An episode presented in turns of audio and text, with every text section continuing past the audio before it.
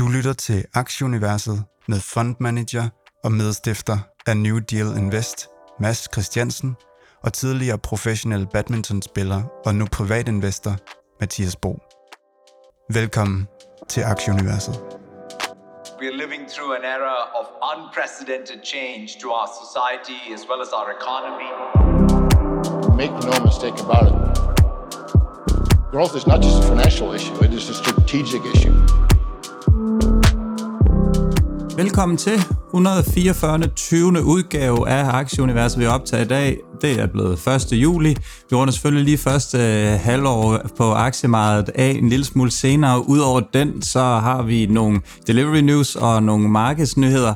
Så har jeg faktisk taget et par nye aktier med, som jeg har købt i løbet af ugen, eller vil købe sådan til inspiration for, for folket. Nærmere introduktion af det skal jeg nok komme med. Så har øh, Masks, Mads ganske kort gnasket et par regnskaber igennem. Øh, Prosus, øh, BlackBerry og Micron har øh, fremlagt tallene. Og godmorgen til dig, Mads.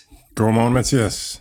Fed, fed uge. Vi fik ligesom hentet lidt af det tabte fra, fra sidste uge hjem den her uge, og der har været, der har været gang i den. Ja, ja, helt vildt fed uge, og, og også det her med, at, at alle ligesom går og venter på, at vi skal nedad, og så, øh, og så vil markedet bare opad. Vi klatrer den her wall of worry, men øh, hold nu op, vi har også øh, drønet opad i lang tid, så for 144. 20. uge i træk, tror jeg, vi kan konkludere, at det bliver lidt svært at forudsige, hvor vi skal hen af, både på kort og lang sigt det er næsten bare bedst bare at gå modsat af det, alle eksperterne siger, så, så er man i hvert fald ikke den sidste lange stykke tid gået, gået helt galt i byen, så sådan er der jo så meget.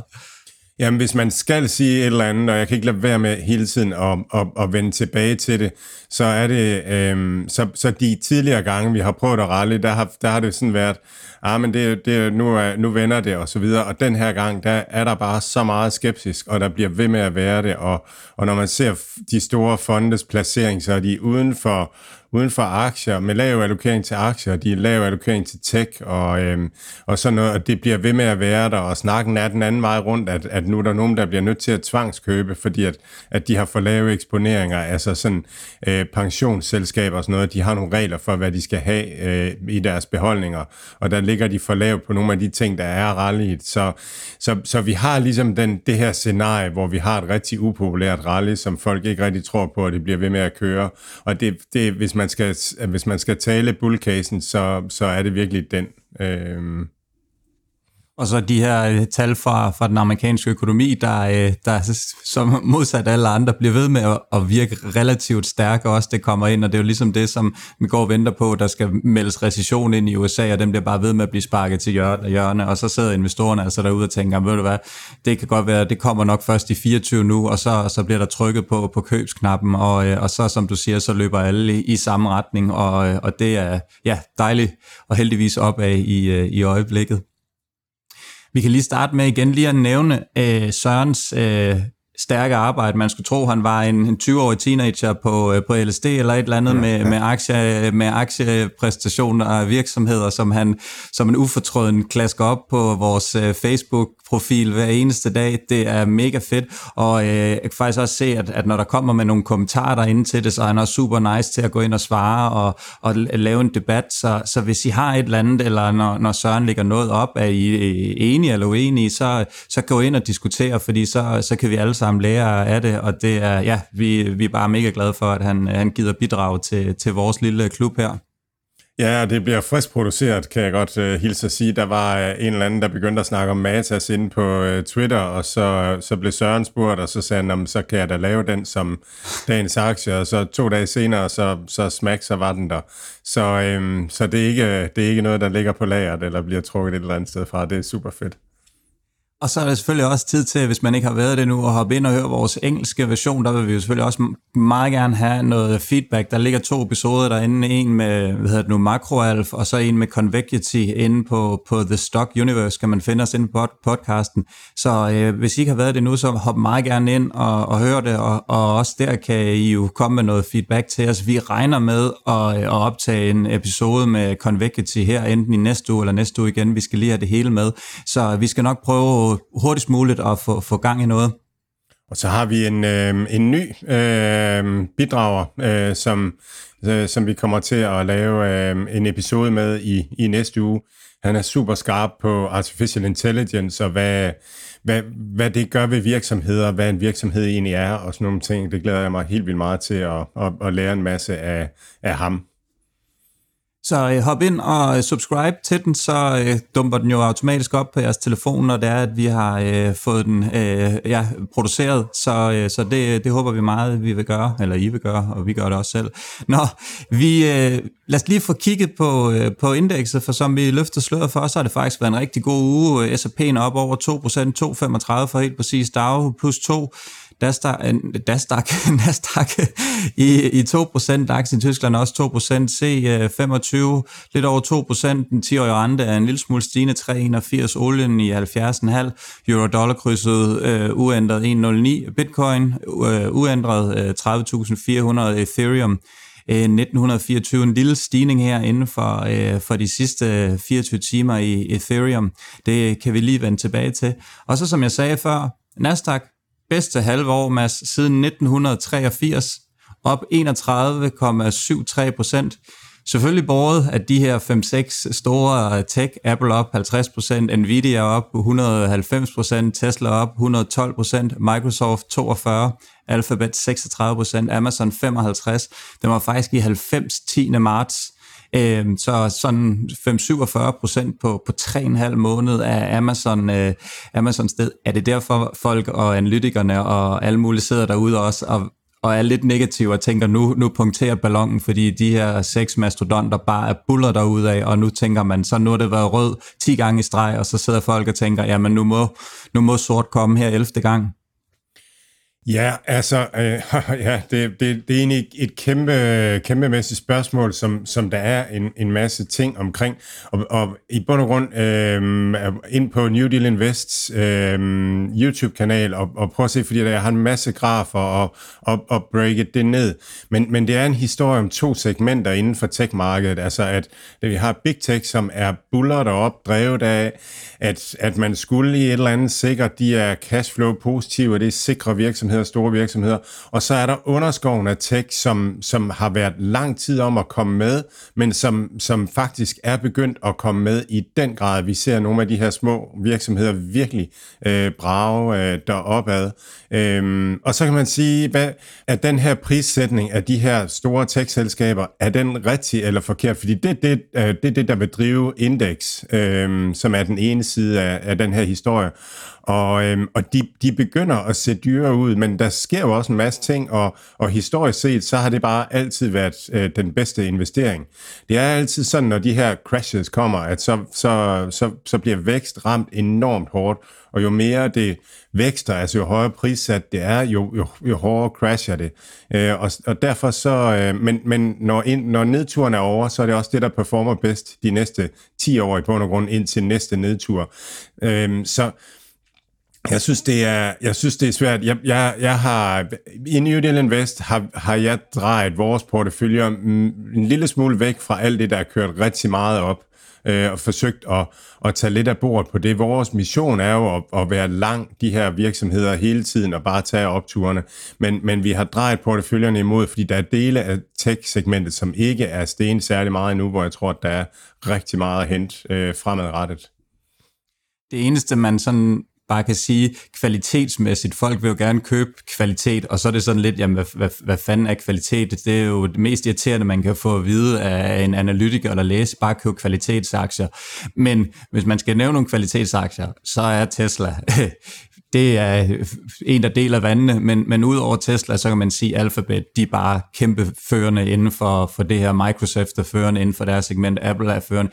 Det er jo bare kvalitet, og du kommer ikke lige ud lige sådan på den korte bane og laver en ny iPhone. Du kommer ikke lige ud og, og har Amazons logistiknetværk. Så det er jo netop kvalitet. Så skal du gå ind og vurdere, kan du vurdere, eller kan analytiker vurdere, om øh, væksten i Amazon er indregnet, hvad det kan, og nye markeder og alt muligt andet. Der er simpelthen så mange usikkerheder, så det er jo bare sådan med, med trenden og hvordan markedet har været de næste 10 år, så er det jo også svært ikke at være lidt eksponeret mod, mod den her form for kvalitet, for det er godt nok også svært at se, at, at Apple lige pludselig skulle trille ned af, af, af, af væltercyklen, og, øh, og hvad hedder det nu, ikke kunne levere det samme også med, med hvad hedder det nu, med Microsoft det kan selvfølgelig ske, og det har vi set mange gange i historien, at, at den store tech for 20 år siden er ikke den store tech i dag, men sådan lige på den korte bane, jamen der får du altså kvalitet, og, du, og de sidder bare med så ekstremt mange penge, og de er så dygtige og innovative, at, at det er måske svært lige sådan på den korte bane, og sådan se, jamen det bliver, det bliver ikke rigtigt til noget gående fremad.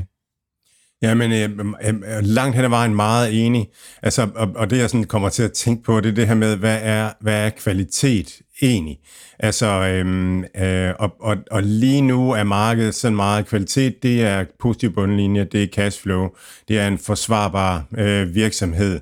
Øh, og så er vi egentlig over i, i value-segmentet eller GARP-segmentet, mens markedet er meget sådan, at at unge virksomheder, som er i de tidlige stadier, hvor de ikke øh, har, har positiv cashflow endnu, og, og hvor at, at underskuddet måske virkelig vokser mere end toplinjen, øh, så, så underskuddet vokser.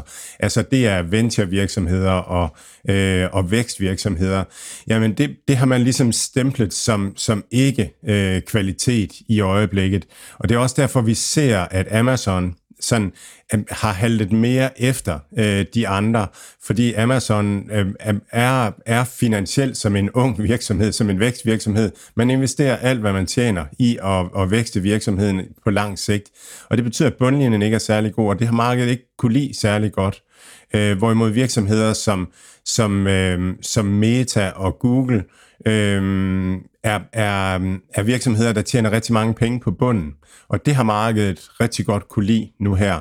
Så, øhm, så, så det, er, det, er altid, det, er, det er altid en historie om, hvad, hvad der er ind, hvad man, hvad man, lige, hvad, hvad man lige rigtig godt øh, kan lide.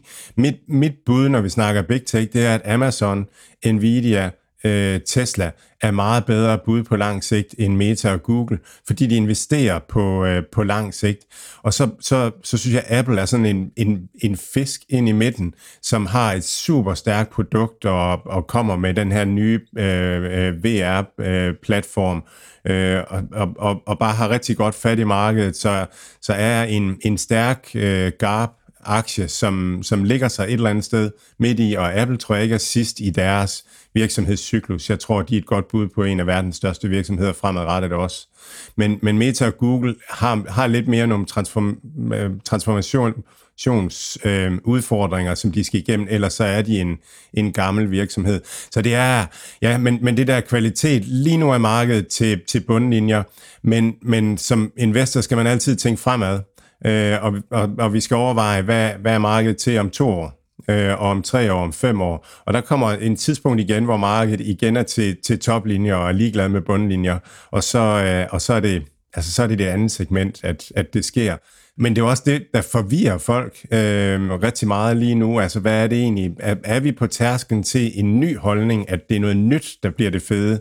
Eller, eller bliver det mere af det samme?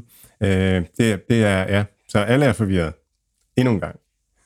Lad os komme over til noget, som vi i hvert fald nok kan blive enige om, er en lille smule mere usikkert lidt krypto. Men øhm, egentlig ja, går det jo egentlig meget godt. Øhm, H, øh, HSBC øh, Bank, eller engelsk bank, her, de er i gang med at øh, la, øh, hvad det nu, lancere deres egen øh, Bitcoin og Ethereum offering. Nogle af de her små sådan milestones, som bliver ved med at og, øh, og, hvad hedder det nu, adde til, til værdien af det. Og så øh, var Cathy Woods op, også ude og melde sin, øh, sin kærlighed til den her BlackRock, den her potentielle grab øh, øh, BlackRock krypto ETF, som, øh, som forhåbentlig er på trapperne, hvis, hvis de sidste godkendelser de, de falder på plads.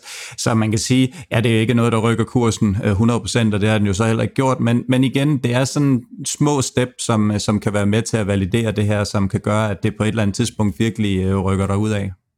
Ja, men det ændrer altså narrativet rigtig meget. Altså det ændrer narrativet fra, at, at bitcoin er, er luft og, øh, og et eller andet øh, fup og, og skal lige ned i, i 10.000 dollars eller 5.000 dollars, og så til, at, at nu, nu, øh, nu begynder de store, store Øh, banker og fonde og så videre og, og, og bygge øh, bitcoin øh, ETF'er, øh, investeringsprodukter, så det ligner en, en validering af bitcoin, og, og det, øh, det ændrer bare narrativet rigtig, rigtig meget, så lige pludselig bliver bitcoin investerbart.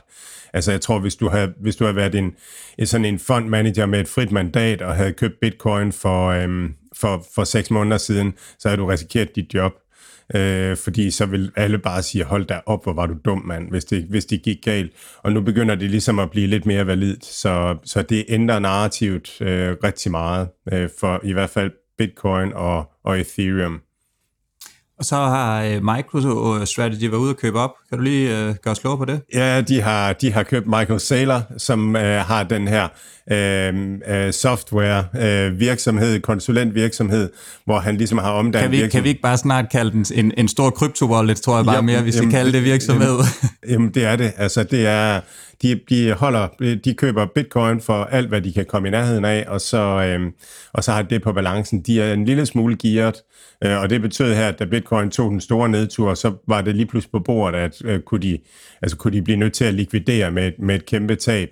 Øh, men øh, det ser ud som om, at, at han, øh, han, han er stærk i troen, og man kan godt... Øh, ja, ja, Nikolaj og jeg, vi skrev sammen her øh, den anden dag, om, om, han, altså, om han er gal eller genial. Det er virkelig umuligt at, at, at vide, men hvis man vil have en bitcoin-eksponering og, og, og, og vil gøre det nemt, jamen, så er MicroStrategy et, et fint bud på bare at, at være eksponeret for bitcoin, og så have en almindelig aktie, øh, man, man ejer.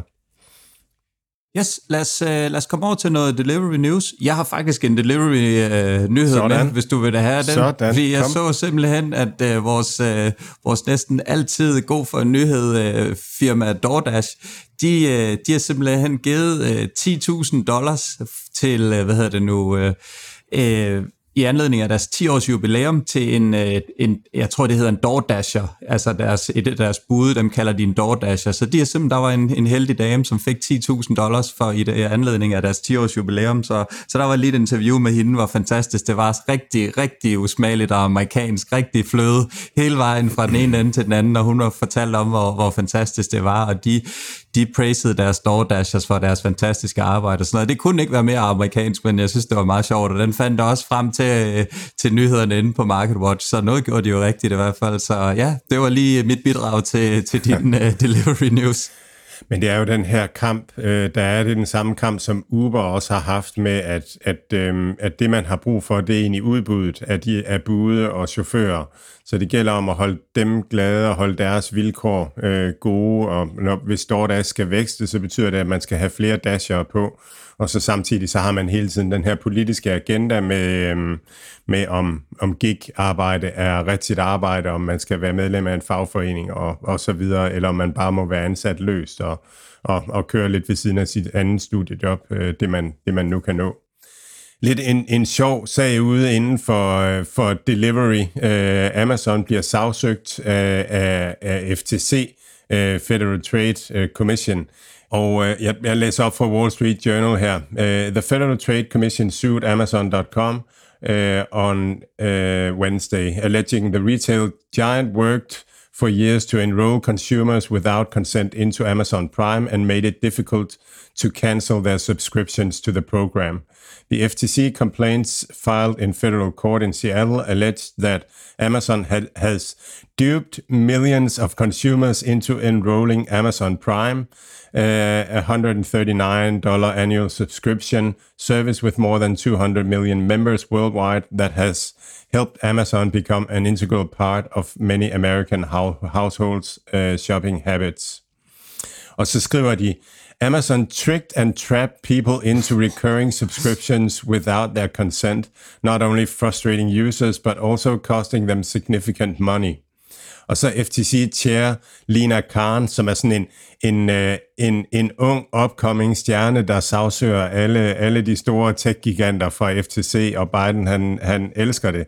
Øhm, men det som, det, som man så siger, det er øh, fra FTC, det er, at, øh, at man har man, man bruger sådan nogle dark patterns til at få folk ind øh, i, i øh, abonnementerne. Det kalder man malicious nudging. Og det er simpelthen det her med, at når man, når man er i gang med at købe noget, så er der nogle store knapper, som er nemmere at trykke på og sådan noget. Det er alt det, hvor man tilmelder sig Amazon Prime, og så får man gratis dit, du og dat. Og så er der nogle meget små, sådan øh, bare tekstknapper, øh, som man næsten ikke kan se, hvor man, hvor man vælger det fra. Og så, så er der nogle situationer, hvor at brugere egentlig er kvalificeret til free shipping. Øh, men, men så er der en stor knap, hvor man kan tilmelde sig Amazon Prime, og så får man free shipping. Men det man også får, det er, at man får next day delivery, øh, hvis man vælger Amazon Prime. Mens hvis man bare vælger det free shipping, man egentlig er til, så får man i, i løbet af et par dage.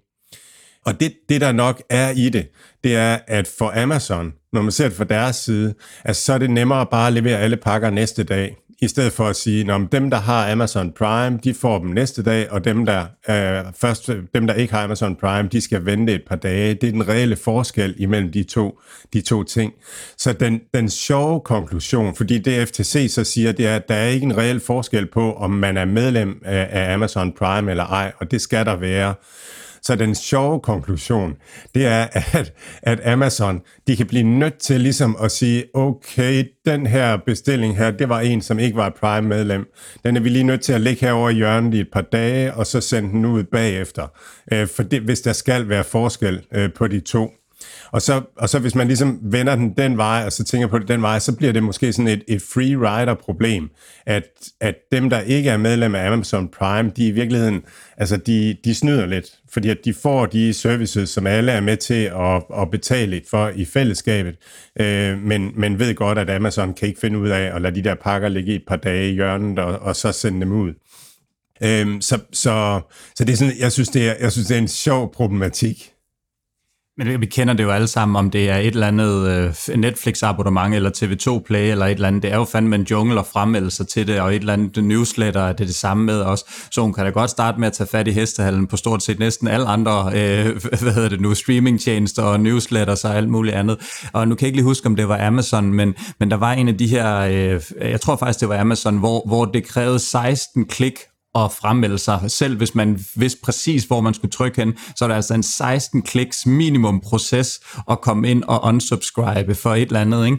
Og det må også være helt vanvittigt, hvad penge af de her forskellige, om det er Apple, eller det er Microsoft, eller et eller andet, skraver ind i ekstra abonnement, fordi at man har glemt at fremmelde sig til det, og så lige pludselig kommer det ind. Og de er jo også smarte nok det der med, at når man tilmelder sig, så siger det, jamen bare lige for sikkerhedsmæssige øh, grunde, så tages lige de kreditkortoplysninger ind. Vi trækker ikke noget, men, men som du så snakker om, når man så kommer til at ramme den der store knap, så er det ikke sådan, at den skal ind på en side igen og, øh, og hente din kreditkortoplysning. Det har den husket, øh, sjovt nok, hvis, hvis man har tastet det ind til at starte med.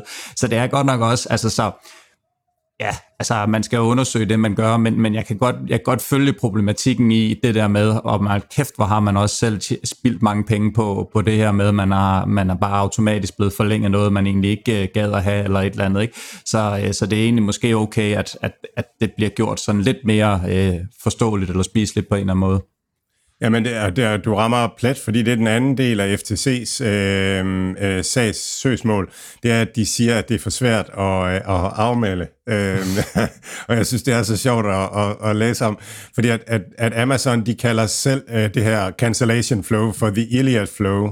Altså efter, efter Homers Iliaden, at det, det skal simpelthen være svært. Og det er sådan, at det er ret svært at finde det sted, hvor man, hvor man udmelder sig. Og når man så finder det sted, så skal man igennem sådan en, en tre-siders øh, formular.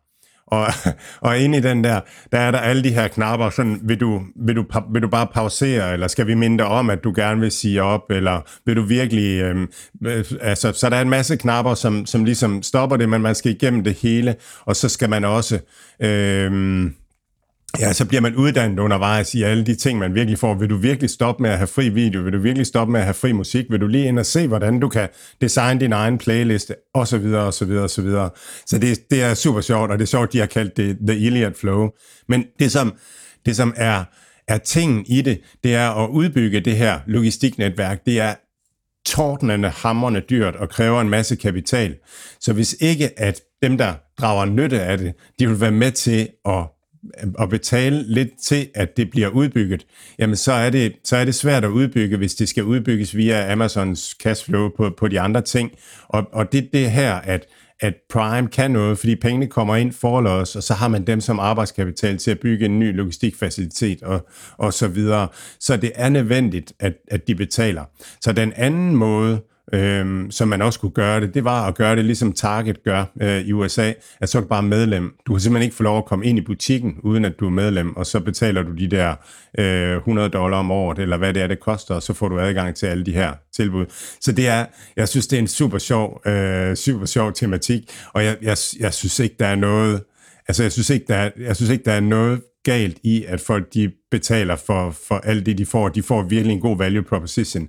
Det, det du er inde på, det er også fuldstændig validt. Der er nogle services, hvor man bare bliver locked ind, og simpelthen næsten ikke kan komme ud af et eller andet, som, som ikke skaber værdi for, for en. Men, men jeg tror, det er undtagelsen snarere end, øh, end det hyppige med, med Amazon øh, Prime. Nå, men det, det kommer vi til at følge mere om, og hende der Karen der, hun har en stor øh, karriere foran sig. så er Bolt, og, øhm, som er den her delivery Uber-agtige ting fra, øhm, fra Estland, øh, de har lavet en aftale med øh, Starship, øh, hedder det. Og det er simpelthen, øh, Starship er en, øh, en virksomhed, som har en flåde af, af leveringsrobotter, så der kommer meget mere robotter ud øh, for, på de her delivery-platforme øh, fremadrettet. Grab øh, starter op med at have, mm, have dine-in øh, services, altså det her, hvor man også øh, hjælper med at være, være tech-infrastruktur øh, for, for restauranter, når folk kommer ind og spiser, at folk kan, kan sidde og bestille via en app øh, og så videre, og de klar kan, kan hjælpe med øh, betalinger og så videre. Øh, Foodpanda øh, er ude med et samarbejde omkring, at, øh, at man tilbyder lån øh, til øh, små øh, virksomheder, øh, og det synes jeg er super spændende, fordi at, at Grab og, og, og Uber og, og sådan at de andre konkurrenter, de går meget efter også at kunne noget finansielt øh, i forhold til, øh, til de små og mellemstore virksomheder. Nej, ikke Uber, men, men øh, Mercado Libre og Sea Limited og, og sådan nogle ting. Det er virkelig en af de ting, jeg har savnet fra Delivery Hero, at man også brugte al den data, man har om de her små virksomhedsdrivende til også at kunne, øh, kunne hjælpe med finansielle services. Og så er InstaShop, øh, som er Delivery Heroes øh, quick commerce øh, kæde i Mellemøsten. Øh, de har købt en øh, virksomhed, der hedder Grow, Growcard, som øh, er en øh, B2B øh, virksomhed, som hjælper med at få varer fra fra consumer packaged goods øh, virksomheder ud til øh, ud til virksomhedsdrivende, så hvor hvor øh, hvor InstaShop lige nu er quick commerce med at sælge sende øh, varer hjem til forbrugere, så så er øh, Growcard øh, det der ligger bagved og får varer fra øh, fra producenter øh, og ud til, til de små øh, virksomheder. Så det begynder at være hele værdikæden, man sådan arbejder med at, at gøre smart og hurtigt. Så faktisk også nu, jeg er ikke sikker på, at det lige er sket nu her, men den store spiller i, øh, i Indien, hvor jeg øh, mest er, den hedder Somato, og øh, det er en privatejet virksomhed. De har så også går ud og gør det her, som du tit snakker om, de køber op. De har købt en lidt mindre en, som hedder Blinket, og det er, øh, altså, det er praktisk talt nærmest Blinket, fordi det er næsten delivery inden for 10-12 minutter øh, i nogle af byerne, de byer, hvor de er aktive. Så det er virkelig, virkelig value for money, det sted, hvor, øh, hvor det er i forståelse med, at det kommer simpelthen så hurtigt. I Mumbai er, øh, er Blinket, og det er ja, 10 minutter i morges tog der at bestille en avocado, og de er blevet overtaget af Somato. Så den her Somato kender du selvfølgelig godt, men det er en, man kan holde øje med, om de på et eller andet tidspunkt skal lave en IPO og komme til nye markeder. Fordi de har ligesom formået at skabe sig det her i, i Indien, at, at de er markedsledende inden for, for alt delivery, og det er ligesom den, man ser i, i bybilledet, ligesom at vi snakker om, at Grab, dem ser man i, i Kuala Lumpur, dem ser man i, i Ho Chi Minh, dem ser man i Bangkok osv., det har, det har Somato også fået, fået skabt her, og de lægger mere og mere ind under den her app, så, så det er et spændende virksomhed, når, øh, når eller hvis den engang øh, kommer på, på markedet, så kan, man, så kan man holde øje med den. Jeg er ikke sikker på, om den er i andre lande nu. Jeg, jeg tror det umiddelbart ikke, men øh, ja, det er ikke lige noget, jeg vil stå for, til mål for. Og nu snakker vi om Amazon før. Noget af det, de bruger mange penge på lige nu, det er netop også at etablere sådan nogle øh, hurtige øh, leveringsfaciliteter, hvor du får samme dag delivery. De har 45 centre nu og, og, og bygger op til, til, til 145 centre. Så det, det er sådan de varer, som man ved, forbrugerne gerne vil have med det samme, når man mangler dem nogle solbriller eller en paraply, eller, eller hvad det nu kan være, ikke? Altså, så, øhm, så, så, så, så ligger de klar til hurtig levering, og så kan forbrugerne opte ind, selvfølgelig, hvis man er Prime-medlem. lad os gå over til nogle markedsnyheder. Vi starter lige med et samarbejde. Aston Martin, øh, engelske øh, luksusbil, øh, sportsvogn, skråstrej, Levmands øh, uh, foretrukne favoritmærke, de øh, arbejder sammen med Lucid. Øh, Lucid, de skal levere deres powertrain og batterisystemteknologi, og øh, ja, de her komponenter, de vil så blive integreret i Aston Martins øh, elektroniske øh, Battery øh, Electric Vehicles, BE, BEV øh, vil de, øh, vil de kalde deres. Øhm, så det er jo sjovt at se, og det er jo det her, det her infrastruktur, som du også snakker om, som Tesla også er, er kommet meget ind. Nu har Aston Martin så valgt at samarbejde med de her, øh, med de her Lucid i, i stedet for, for ligesom at det. Men, men det er jo det her, du har nævnt, og det er også derfor, at den her nyhed med, udover det selvfølgelig er spændende, at Aston Martin også laver det, det er det her med, jamen når de først sidder på det, jamen så, øh, så er det simpelthen så smart og, øh, og optimalt, de her systemer, som, som, som er udviklet allerede for, for de lidt større og måske mere gammeldags og tunge, øh, hvad hedder det nu, industrier og, og bil, øh, bilmærker at gå ind og, og købe ind i det her. Og det er jo selvfølgelig klart, at, at det var noget som den her Lucid Stock, som, som ikke er, som har haft det ret svært øh, end over de sidste par år. Den, den steg 12 procent i, i mandagens, øh, og, det, øh, og, og hvad hedder det nu, og Aston Martin, de, de steg også 11 procent hen over det her. Så øh, spændende samarbejde at se. Det bliver fedt at se, om Aston Martin de kan lave en lige så fed øh, EV-bil som deres, øh, deres benzindrevne i hvert fald. Jeg tror også, øh, altså, øh, jeg tror, der bliver færre bil, bilmodeller øh, fremadrettet, øh, fordi at, at produ- masseproduktion og sådan noget, det virkelig bliver optimeret og, og sådan noget. Så der bliver selvfølgelig også et, et, et marked for biler, hvor man betaler noget for at have øh, noget, der skiller sig ud øh, og, og ligesom ser anderledes ud. Så, så ja, det, det, det er oplagt, at der bliver to ender af markedet så var de her Xpeng var ude med deres øh, seneste G6 Sport, hedder den, øhm, og øh, det er sådan en, en konkurrent til Teslas Model Y, øhm, og der var de ude og præsentere den, og prisen den bliver cirka 20% lavere, øhm, og det er jo det her med at producere til lavere omkostninger, som du talte meget om i Tesla, øh, at, at de var dygtige til at kunne gøre det, og, og til hele tiden at skære deres, øh, hvad hedder det nu, omkostninger i forbindelse med, med det her. Men øhm, han, der var en, en, en ekspert, som går ud og siger, at den her den kommer til at koste omkring 210.000 yuan, øh, 28.000 øh, US dollar, hvor, øh, hvor Teslas ligger på 263.000 yuan. Øh, og det var også noget, der, der gav begejstring af aktien steg. Og så Beijing-regeringen også, øh, de booster også med noget skatterabat på de her køb af, af nye grønne biler, og det er selvfølgelig også noget, som, øh, som vil booste salget. Øhm, jeg tror, at Tesla i næste uge, de fremlægger øh, tallene for, hvor mange biler de har solgt, øh, og det bliver rigtig spændende at følge med i her, og, og, og og det er virkelig også noget, der kan sætte, sætte gang i den her aktie, både den ene og den anden vej, afhængig af, hvad de kommer. Så øh, kineserne, ja, de er, de er hælende, de, de tillader selvfølgelig salg af Tesla-biler i Kina, og det er et kæmpe marked for Tesla, men deres øh, ja, hvad hedder det nu, lokalproducerede biler, de kommer virkelig også med noget, og de ved godt, hvem de skal, de skal kigge efter som den store og tunge konkurrent her, så det er selvfølgelig også derfor, at, at de går ud og, og, og lægger sig endnu lavere i prismæssigt end, end Tesla. Og jeg har faktisk set nogle billeder af den, det er faktisk en rigtig flot bil, og den ligner så også Teslaen øh, rigtig meget, så den kan ikke komme til Danmark endnu. Folk øh, gætter på, at der måske går et, ja, et lille års tid, før man kan finde den i Danmark og Europa.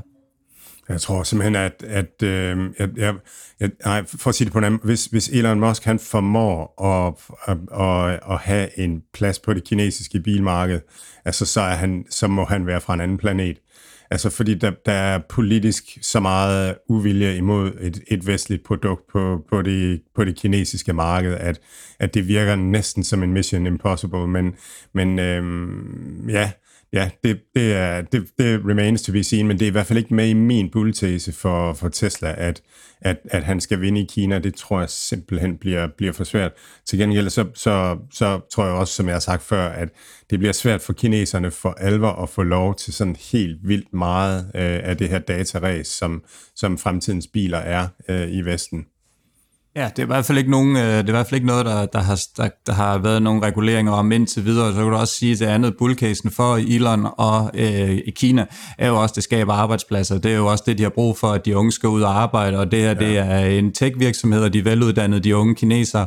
Og så, øh, jamen, den kinesiske regering, så længe de betaler deres skat, og de ansætter en masse mennesker, så kan det også godt være, at de kun sådan har 60-40 øh, de lokale virksomheder favorit, og egentlig lade, lad, hvad hedder det nu, lad Tesla konkurrerer konkurrere også med dem, og, og egentlig et eller andet sted måske er lidt ligeglad. Det, det er jo en af de ting, man ikke ved, men, men de, de bidrager i hvert fald også til noget, så, øh, så ja, men det, det, vil da, det vil da være en, en, et kæmpe boost for ham, hvis han kan gå ind og, og, og tage, det, tage det kinesiske marked. Men det er jo faktisk noget, som Apple har lykkes med. Øh, da de for 10 år siden, tror jeg, de havde 5% af, øh, af telefonmarkedet i, øh, i, i, i, hvad hedder det nu, Kina, og nu har de 17%, ikke? så man kan sige, vejen er jo ligesom banet for at kunne gøre det her, og Apple har gjort det. Så, øh, og hvis der er nogen, der kan, så, øh, så er det nok Elon.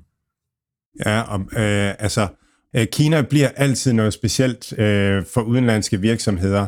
For eksempel så er Kina det eneste sted, hvor at øh, Apple ikke tager penge for, øh, for øh, ikke tager gebyr for, for pengetransaktioner. Øh, det var WeChats krav for, at, at, at øh, Apple kunne have WeChat øh, på deres telefoner, at, øh, at man skulle ikke have et cut af, af pengetransaktioner. Og, øhm, og der måtte Apple bare bøje sig i støvet, fordi at WeChat var bare, øhm, var bare dem, der bestemte i øh, Kina på, på mobil. Så hvis man skulle ind på det kinesiske marked, så skulle man, øh, skulle man have WeChat på, ellers så var der ingen kineser, der ville, der ville bruge øh, en, en Apple iPhone. Så øhm, ja, så, så alt, alt er muligt, og alt kan tænkes nyt, øh, når det gælder Kina. Vi skal lige øh, forbi Zoom Info, hvor, der, hvor du har lidt nyt fra. Ja, Zoom Info øh, samarbejder med øh, Databricks. Øh, og Databricks er jo, er jo den her øh, data lake, øh, som er, øh, er den største konkurrent til Snowflake øh, lige nu.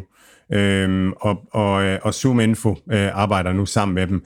Og det, der, der er jo masser af de her nyheder, men, men det, det Zoom Info tilbyder, det er, at de hjælper virksomheden med at få deres øh, data øh, deponeret i den her datasø og kunne, kunne tilgå det og styre det, sådan at man som virksomhed ikke selv behøver at at, at forstå Databricks, hvordan den fungerer. Og når jeg siger Databricks, så kan jeg også godt tænke Snowflake. Øhm, så, øhm, så, så det er igen det her med at gøre det, gøre det nemt for, for brugerne at, at bruge de her øh, services. Og det er virkelig noget af det, som, hvor der sker meget spændende i øjeblikket. Øhm, der er den her virksomhed, som hedder Confluence, som vi ikke har talt særlig meget om, men de havde investordag og, og fik forklaret, sådan, hvad, det, hvad det er, de kan. Øhm, men altså, øh, data ligger Øh, data lå for 10 år siden i virksomhederne på et, et hard drive, eller nogle disketter, eller, eller hvad det nu lå på. Så data er egentlig ting, som at det, det ligger fast et eller andet sted.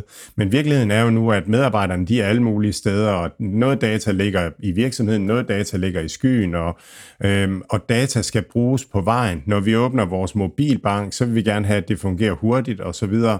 Så, så, øh, så data skal være ude ved forbrugeren. Så der er meget med at få data data det sted hen, hvor at, at det skal bruges, og det kalder man uh, data in motion uh, i forhold til data in storage. Uh, og, og det er så det, vi ser nu bliver optimeret, den her transition fra, at man har sin virksomhed liggende et sted, og så er alt data der til, at data ligger rundt omkring, men at data skal bruges ude på de lokale uh, devices. Så, uh, så, så der, der er sådan en helt Ja, der sker rigtig meget inden for det her med, med data, Øh, Øh, hvad skal man sige, data streaming, data in motion, data, og have data der, hvor det skal bruges og få det lagt, så det kan anvendes nemt og hurtigt i forhold til applikationerne. Og så ser vi jo både Databricks og, øhm, og Snowflake udvide deres samarbejder med Microsoft og Nvidia, og også begynde at putte øh, AI-funktionaliteter på deres ting, så når data ligger der, så kan man også med det samme øh, lave AI på det og så videre, og så har man en virksomhed som Confluent, der hjælper med, at, at data altid er det sted, øh, hvor man har brug for det, og samle virksomheden, selvom at data ligger øh, en masse forskellige steder. Så det er et sindssygt spændende område, virkelig et område, som, som er, er spændende som investor at kigge ind i. Så vender vi lige tilbage faktisk til Apple, hvor rundt om før, de øh, gik jo forbi, hvad hedder det på dansk, 3 trilliarder, hedder det trilliarder, eller 3, 3.000 milliarder i hvert fald, er der noget, der hedder trilliarder, eller det ved ja, jeg ikke, men folk er med... Trillions på... Øh, ja, ja på, på, på engelsk, på, men er der noget, der hedder... Nå, det, det, det skal ikke være noget... Billion? Nej, jeg ved det ikke. Jeg folk er med. 3.000...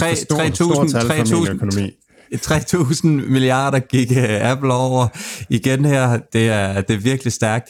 Citibank, de var ude og, øh, og komme med en upgrade. Der er jo ellers mange downgrades i øjeblikket af alle de her aktier. Nærmest, der er nærmest ikke en, en analytiker, der ikke står i kø for at øh, downgrade Tesla og øh, Alphabet og alt muligt andet. Men, øh, men Citibank, de var egentlig ude og, øh, og hæve øh, hvad hedder nu, deres, deres kursmål. Øh, de, øh, ja, de mener, at, at, at de er rigtig dygtige til at få, få drevet deres kunder mod de her dyre øh, produkter, og, og dermed øge deres marginer. Så ser de selvfølgelig Indien som et kæmpe potentiale. Øhm, her PT er det stadigvæk sidste, undskyld, sidste år var det 5% af markedet, som de ejer med deres iPhones, og, og i og med den voksende økonomi og, og alle de her ting, og, øh, og en supermagt øh, formentlig, medmindre de fucker det helt op inden for de næste 10 år, der, øh, der ser de et potentiale. Der er noget mulighed for, for at starte noget, noget producering af, af, af telefoner eller andre har dem godt her, så de kan få de her skatterabatter og faktisk få subsidies. en iPhone i Indien, den er noget dyrere, end den er i Danmark, faktisk, på grund af den her sådan luxury tax, der er på, på elektronik i udlandsk elektronik i, i Indien. Øhm, Hvad koster men, den i ja, Indien? Hvad... Ja, men det kommer, ja, nu, den, den, er omkring, den er omkring 10% dyrere end i Danmark, okay, øh, okay. En, en telefon, ja. Så, øh, så det er jo det, så den er noget billigere, eller noget dyrere end både Dubai og, øh, og USA, hvis man, øh, hvis man køber den der. Det er øhm, fantastisk. Og, altså, det er da noget nyt som dansker at, at, at man reelt set, når man, altså, når man er i Danmark, man så lige skal huske at, at fylde lommerne med produkter, ja, når man skal... Inden, inden, man skal, hjem, hvis, ja, inden du skal hjem, 10 år til Indien, så skal du lige huske at købe en 3-4 iPhone, så har du lige sparet lidt penge. ja, det er omvendt grænsehandel, det er aldrig set ja. før i Danmark. Men omvendt, så, øh, så nogle af deres produkter, for eksempel deres Apple Music, koster kun omkring 12 kroner per måned. Så, øh, så der, øh, der er jo selvfølgelig også en kæmpe upside i at, at, at hæve deres marginer der med en 20-30-40 procent hen over årene. Fordi det er jo ikke, ja, jeg tror, de koster 70-80 kroner om måneden i, i Danmark, og, og det her en lille smule mindre i USA. Så man kan sige, at der er også noget potentiale i, hvis folk får flere penge og, og hæve priserne her. Citibank de er ude med et kursmål på, øh, på Apple 240, og jeg tror, den lukkede i går i, øh, i 190, så der er stadigvæk et, et stykke op. Så øh, ja, de er i hvert fald ikke færdige med, med Apple lige i den her omgang, og øh, ja, det bliver, det bliver spændende at, at følge dem. Og du sidder med et smil på læberne. Så det er godt. Nej, jeg, jeg synes bare, det er imponerende. Jeg synes, jeg synes, det er imponerende, at man bare kan læse telefoner ud over disken til 10.000 kroner. Men altså, som vi har snakket om, så, ja, så er det jo det device, man bruger allermest. Så et eller andet sted, så er det jo per klik ikke ret meget, man betaler for det. Men alligevel, det, når, man skal, når man skal hive muldvarpen op, og så lægge 10.000 på disken for, for en telefon, så, så, så gør det da en lille smule ondt på, på en gammel, øh, selv på en gammel fynbo her. Ikke? øhm, Nå, jeg vil lige vende tilbage til en artikel, jeg læste med, øh, med tech-fyringer, den her optimering af det, og nu er 2023, det er faktisk overgået øh, 2022 i, øh, i fyringer. Øhm, 798 tech-virksomheder har fyret 210.000 i år, og øh, sidste år var det 154.000, som var blevet øh, fyret. Så man kan sige, at der bliver virkelig fokus på, på bundlinjen her, og er ja, relativt pæn stigning i, i, i et år, hvor der også blev fyret en del mennesker. Og, øh, og i mandags kom så frem i, i Wall Street Journal, at, øh, at Robinhood de er ude og fyre omkring 7% af deres fuldtidsstaff, svarende til, til 150 mennesker. Så der bliver altså simpelthen blevet ved med at, at blive savet ind til benet her i, i de her selskaber her, og øh, ja... Øh, det, det, det, det kører videre, som, som det har gjort hele tiden. Ja, og, øh, og så, så kan man sige, går de så arbejdsløse, alle de her mennesker her, og det, det gør de ikke. Altså, de, øh, øh de bliver ansat i, øh, i, i almindelige virksomheder, Øh, der, der er rigtig mange øh, altså, øh, større virksomheder, som, som udvider deres øh, IT-afdelinger og har mulighed for at få kvalificeret arbejdskraft nu, hvor at, at tech-virksomhederne de ikke betaler de her sindssygt høje lønninger. Altså, så, så bliver det øh, muligt at, at, at komme igennem med. Øh, øh, øh, den her virksomhed Confluence, som, som jeg talte om før med Data in Motion, er egentlig et super godt eksempel på det. Øh, fordi øhm, øh, founderne af Confluence, øh, de, øh, de, de, de har arbejdet ved LinkedIn på at lave et, en, en øh, open source software, der hedder Kafka, øh, øh, som kan, kan det her med, at, øh, med data, at holde styr på data i en virksomhed og, og få data derhen til det device, hvor det skal, skal bruges. Øh, og Kafka er en open source platform, som, øh, som, som man kan bruge, og der er øh, sindssygt mange virksomheder, der bruger Kafka til at, at, at flytte data og holde, holde styr på data i deres virksomhed. Øhm, og, og Confluent, de, øhm, de, de, det de gør, det er, at de hjælper virksomheder med at bruge Kafka optimalt. Øh, der er rigtig mange ting, man skal have styr på. Cloud-integration og øh, sikkerhed, og der er rigtig mange ting omkring at flytte data rundt øh, i verden og, og have data liggende forskellige steder. Og det, det, det, det integrerer Confluence, så sådan, det er meget nemmere for en virksomhed at gå til. Så, øh, så mange virksomheder i dag har deres egne ansatte og bruger Kafka, men så kan man også vælge at gå over på øh, Confluent, og så, øh, og så tager de sig af det hele, så man ikke skal have så stor en IT, øhm, øh, øh, øh, så mange IT-kompetencer inde i sin egen virksomhed.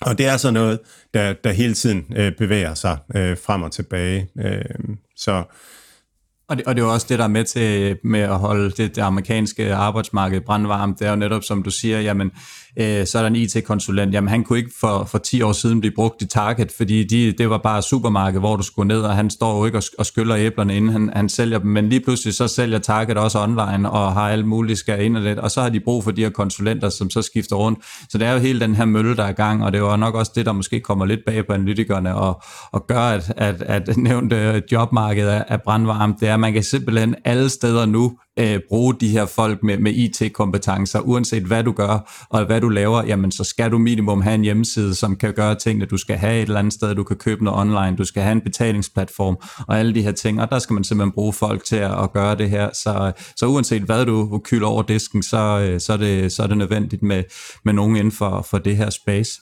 Ja, store øhm, virksomheder er simpelthen mere og mere tech-virksomheder, altså øh, laver artificial intelligence, alt muligt forskelligt inde, inde bagved for at holde styr på det. Og det er jo ikke fordi, de bliver en tech-virksomheder, det er bare fordi, det er muligt. Altså det er jo ligesom, en gang var Excel-regneark noget, kun de færreste brugte, og lige pludselig så blev det sådan en almindelig operationel ting, at, at det skal man. Og sådan er det jo for, for store virksomheder i dag. Operationelt, det er, at du er digitaliseret og en, er, har en, en, en eller anden grad af, af, af, af ja, digitalisering.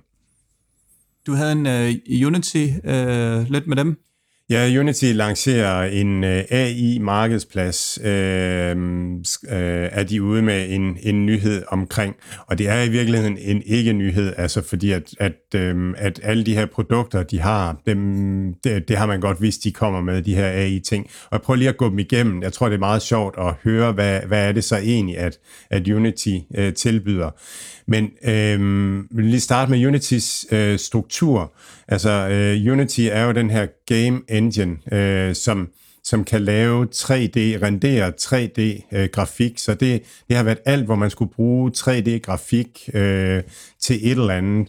Og så, øh, og så Unity-delen har været sådan, at, at spiludviklere har kunne bruge Unitys redskaber til sådan nemmere at udvikle apps øh, og spil.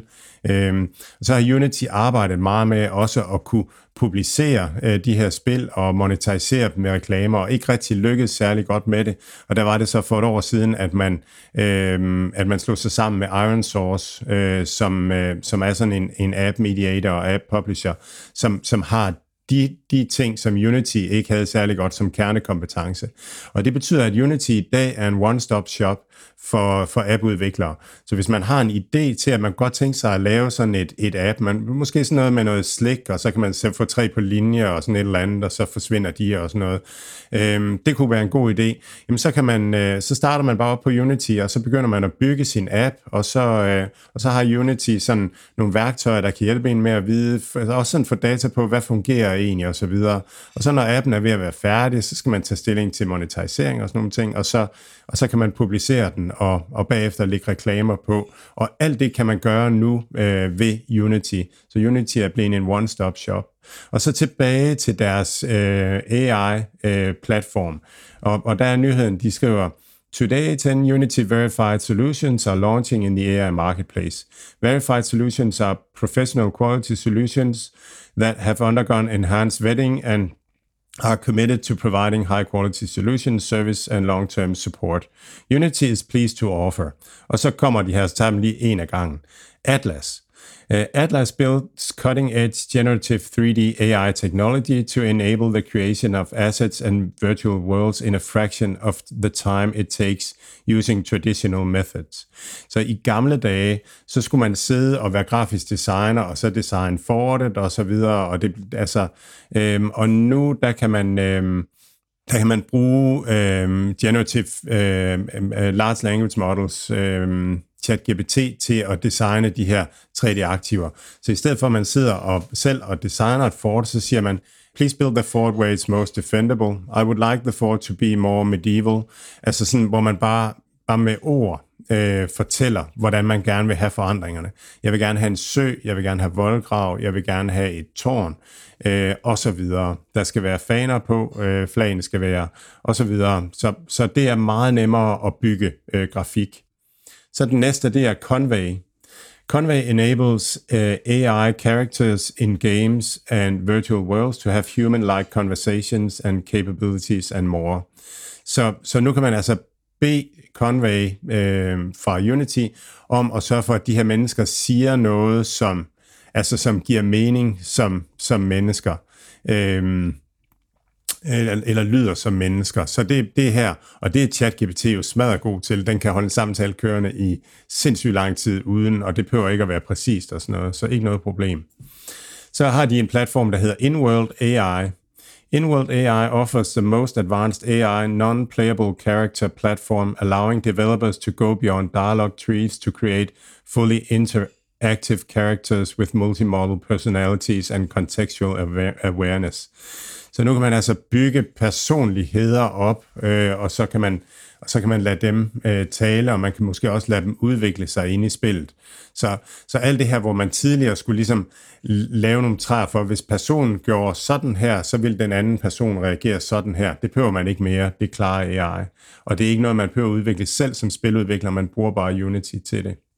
Der er de noget, de kalder lærer AI, With Layer, game makers can upload their creations and generate an infinity number of assets with just a few clicks, all in their custom art style. Så det er altså noget med, at man, at man kan, at det man har lavet, jamen det uploader man bare, og så, og så passer det ind i, ind i platformen, øh, som den er. Det er egentlig der, hvor at, at, øhm, øh, at Nvidia rigtig gerne med deres metaverse vil være den, der ligesom er standarden, der kan integrere alt 3D. Men det kommer Unity altså også med noget med her. Og, og en af Unitys konkurrenter, det er helt klart Nvidias øh, øh, Omniverse. Øh. Så, øh, så har man Leonardo AI. Øh, Leonardo AI is a transformative content production suite powered by generative AI that streamlines 2D asset creation, textures, and effortlessly generates full UV texture maps for uh, 3D models. Um, så igen et eller andet, som, som kan, kan hjælpe med at, at gå fra 2D til 3D-strukturer, um, øhm, også hvad, hvad, hvad lys angår. Så er der en, der hedder LMNT.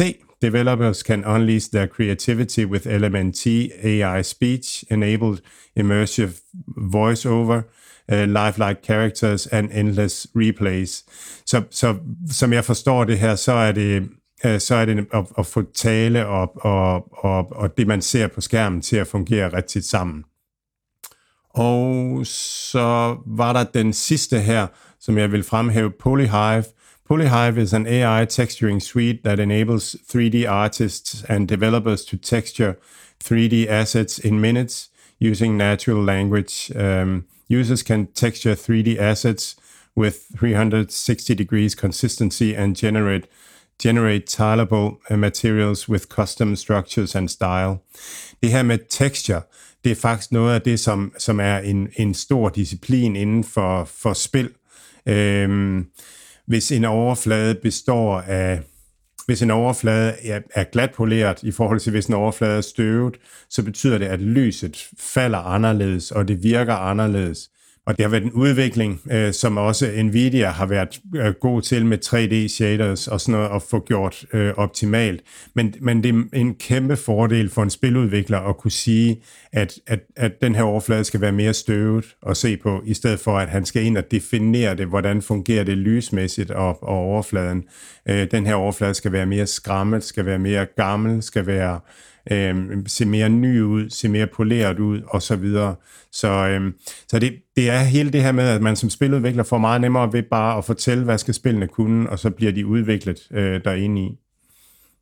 Hvad, hvad tænker du om, øh, om Nvidia, øh, undskyld, om, øh, og aktiekursen lige, øh, lige pt. ved Unity øh, 48, tror jeg, den er, den er været i. Den var jo oppe i gastronomiske 200, tror jeg, da den, da den toppede ud for, for noget tid siden, men, men har kørt godt øh, 50 procent oppe i, i år, cirka øh, ja, 50 procent oppe i år. Hvad, hvad, hvad vil den herfra?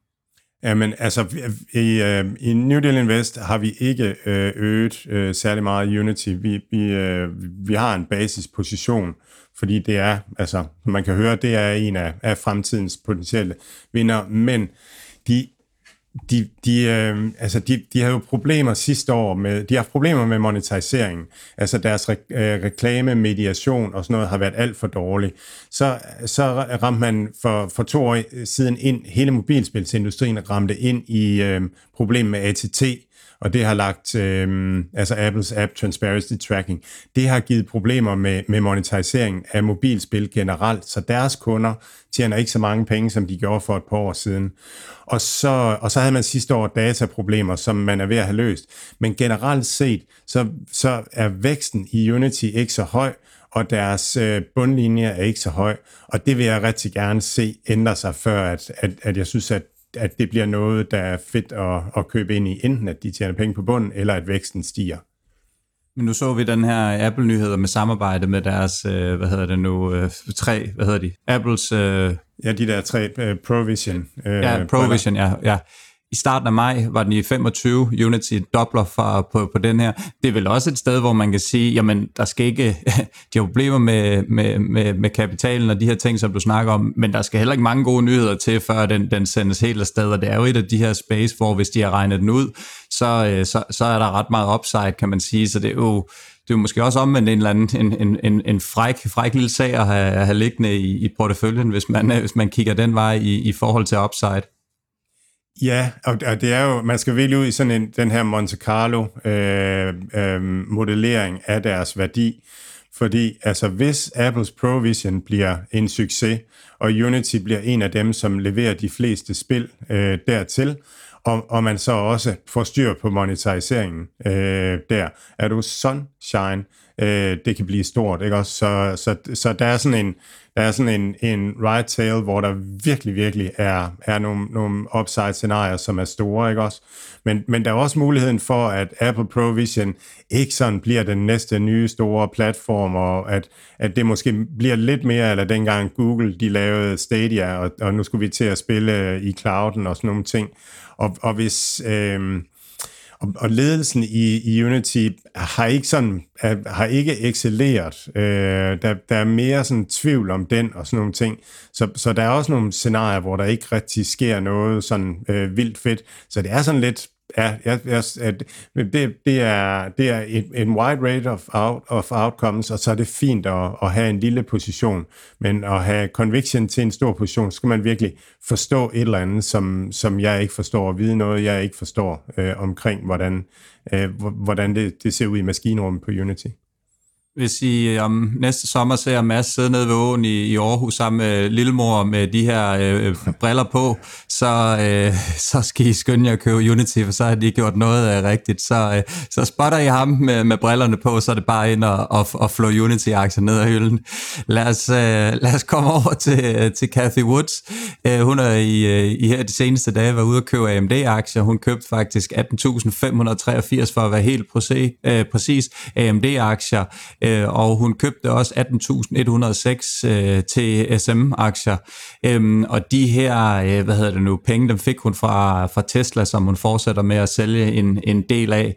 Øhm, så ja, hun, øh, hun tror ikke, at den her øh, ja, kraftigt stigende chipsektor er færdig nu, og det er i hvert fald der, hvor hun putter en del af sin, uh, sin æg PT ved at, ved at, at, at loade op der, og hun har selvfølgelig også haft et godt uh, ride med, med Tesla op af i år, så, så det er derfra, at hun fordeler, fordeler tingene en lille smule bedre. Hun gør, hun gør lidt det samme, som vi gør i New Deal Investors. Hun sælger ind i styrken og, øhm, og køber ind i svagheden, og, og MD er lige faldet fra 130 til 113 eller sådan et eller andet. Øhm, så så der, der er lige pludselig lige en, en, en 15% upside i den igen, og Tesla handler omkring all-time high. Og man kan godt vælge at se på både Tesla og AMD som, som AI-aktier, øh, øh, og så giver det meget god mening at, at, at sælge lidt i det, som har klaret sig rigtig godt, og, og Tesla er jo op med, med over 100% her på relativt kort sigt. Og AMD har, har også, er også sten godt, men, men ikke så meget som, som Nvidia øh, her på, på AI-turen mandag var øh, købt hun til, til 107,51, så endda en lille smule mere rabat end, end ja. det, du taler om her på, på AMD-aktien. Så øh, ja, det bliver spændende at følge den. Og så kom der jo så også lige, hvis vi bliver lidt i samme, kom der jo den her potentielle China chip band ud. Øh, øh, Biden og de, de andre amerikanske skurke, de vil måske gå ud og bande øh, Nvidias øh, salg blandt andet, og, og selvfølgelig også AMD og nogle af de, de andre til, til at sælge de her deres, deres moderne chip til, øh, til Kina øh, i sådan lidt en, en trading war, eller holde Kina lidt tilbage, og, og det ved man jo godt, hvad, hvad betyder. Det betyder, at der kommer en eller anden embargo den anden vej fra på, på et eller andet også, og så er vi i gang igen, så det ved jeg ikke lige helt, hvor, hvor nødvendigt man lige så umiddelbart synes, det er. Kina, øh, undskyld, Nvidia, de har omkring 20% af deres omsætning i øh, China, så det er klart, at, at de vil nok være fortaler for, at, at det her det ikke skal, øh, skal være noget som helst. Øh, AMD Øh, hvad hedder det nu, sælger også til, til Kina-vejen her, så det er sådan lidt, øh, ja, det er, det er lidt det her klassiske magtspil mellem, mellem de to supermagter, og øh, ja, det er selvfølgelig også noget, som, som gik ud over de, de kinesiske tech-virksomheder, øh, hvad hedder det nu, Alibaba satte sig næsten 3%, og den her nyhed kom ud, fordi de er jo ret afhængige af at få de her øh, chip fra, fra USA til at køre deres ting, og, øh, og lige så med, med Tencent og nogle af de andre, så det var egentlig noget, som, øh, ja, som lige gjorde, at, at det hele blev, blev banket øh, oven i hovedet. Angående SoFi, de her studielån, der øh, kom øh, Supreme Court ud i går og cancellerede Bidens plan om at annullere de her studielån op til 20.000 US dollars. Den kom fredag, og det burde jo egentlig have været positivt øh, for, for SoFi, fordi, øh, men ja, den faldt aktien. Det var virkelig mærkeligt. Den startede oppe med, med positiv marked, så kom der lige et ordentligt hak ned, og så steg den op til rigtig positivt, og så endte den med næsten med at falde øh, 4% på, på baggrund af den her og var inde og se nogen tale omkring det, og det, det burde jo egentlig være, være positivt, men, men folk tror er sådan lidt den her buy and rumor, sell on fact øh, agtig, så, øh, så, så det gjorde, at, at den satte sig en, en lille smule, så øh, lidt speciel udvikling, og nogle af de her, der gør øh, aktiemarkedet lidt øh, forunderligt indimellem, at, øh, at der egentlig kan komme noget positivt, men altså om man kan man sige, det, det var forventet, at det ville komme. Det var bare først forventet, at det ville komme i august, og så er aktien jo også kørt ekstremt godt her på, på det seneste. Øhm, der er nogle nye analytikere, der er ude og, og indlægge dækning på den her, og, og det var også en downgrade fra, fra, fra den her analytiker, nu kan jeg ikke huske hans navn, med et eller andet price target på omkring 3 US dollars, hvor den ligger i 8,5 nu eller sådan noget, så det er klart også, at er der nogen, der lytter til ham, så, så bliver man selvfølgelig lidt øh, bekymret, hvis, hvis den skal bakke helt ned i, i 3 US dollar, for at han mener, at den har, den har value. Så ja, øh, selvfølgelig lidt ærgerligt, når man sidder med en ordentlig, øh, ordentlig bunke øh, øh SoFi-aktier. Ja, ja, og jeg synes, du har, du har, du har inde på det, altså, at, at den er jo sten med næsten 100% øh, på, på, på en måned eller to. Øhm, så, øh, og nu, nu, nu er vi måske her ved sommerferien og, og sådan noget, så, så, så styrke i den aktie kan også godt bare blive set af nogen som en mulighed for at, at få taget lidt gevinst hjem, og så, så kommer sælgerne, sælgerne ind. Så jeg tror bare, at den er i gang med en, med en naturlig korrektion ovenpå en 100% stigning, og, og så skal der virkelig meget til, før at, at den, den stiger. Nu må vi se, når, når regnskabet kommer. Øh, det tror jeg, at, at de fleste lige vil vente på og, og øh, afvente. Alt, hvad Mads, Mathias og deres gæster siger, er deres egne meninger. Det er ikke finansiel rådgivning. Denne podcast er udelukkende ment som information og skal ikke bruges til at lave beslutninger om investeringer. Mads, Mathias og kunder i New Deal Invest kan have positioner i de virksomheder, der tales om i podcasten. Du har lige en, øh, en, en smule øh, korte nyheder, du lige vil øh, køre sted. Ja, Lemonade, øh, som jeg synes er vildt spændende øh, lige nu. Øh, de øh, partner op med General Catalyst, øh, hedder deres partner, og, og det er en af dem, der faktisk er, er backer Lemonade også som, øh, som investor.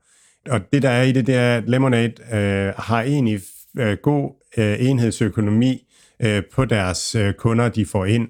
De, de bruger jo nogle øh, reklamekroner for at få kunder ind, og det er omkostninger, og så kommer kunderne ind, og så, øh, og så går der noget tid, inden at man, at man har pengene hjem igen. Og det betyder altså, at, at hvis man vækster lige nu, så betyder det bare, at underskuddet vokser, øh, fordi at, at det tager et par år at tjene pengene hjem på hver ny kunde.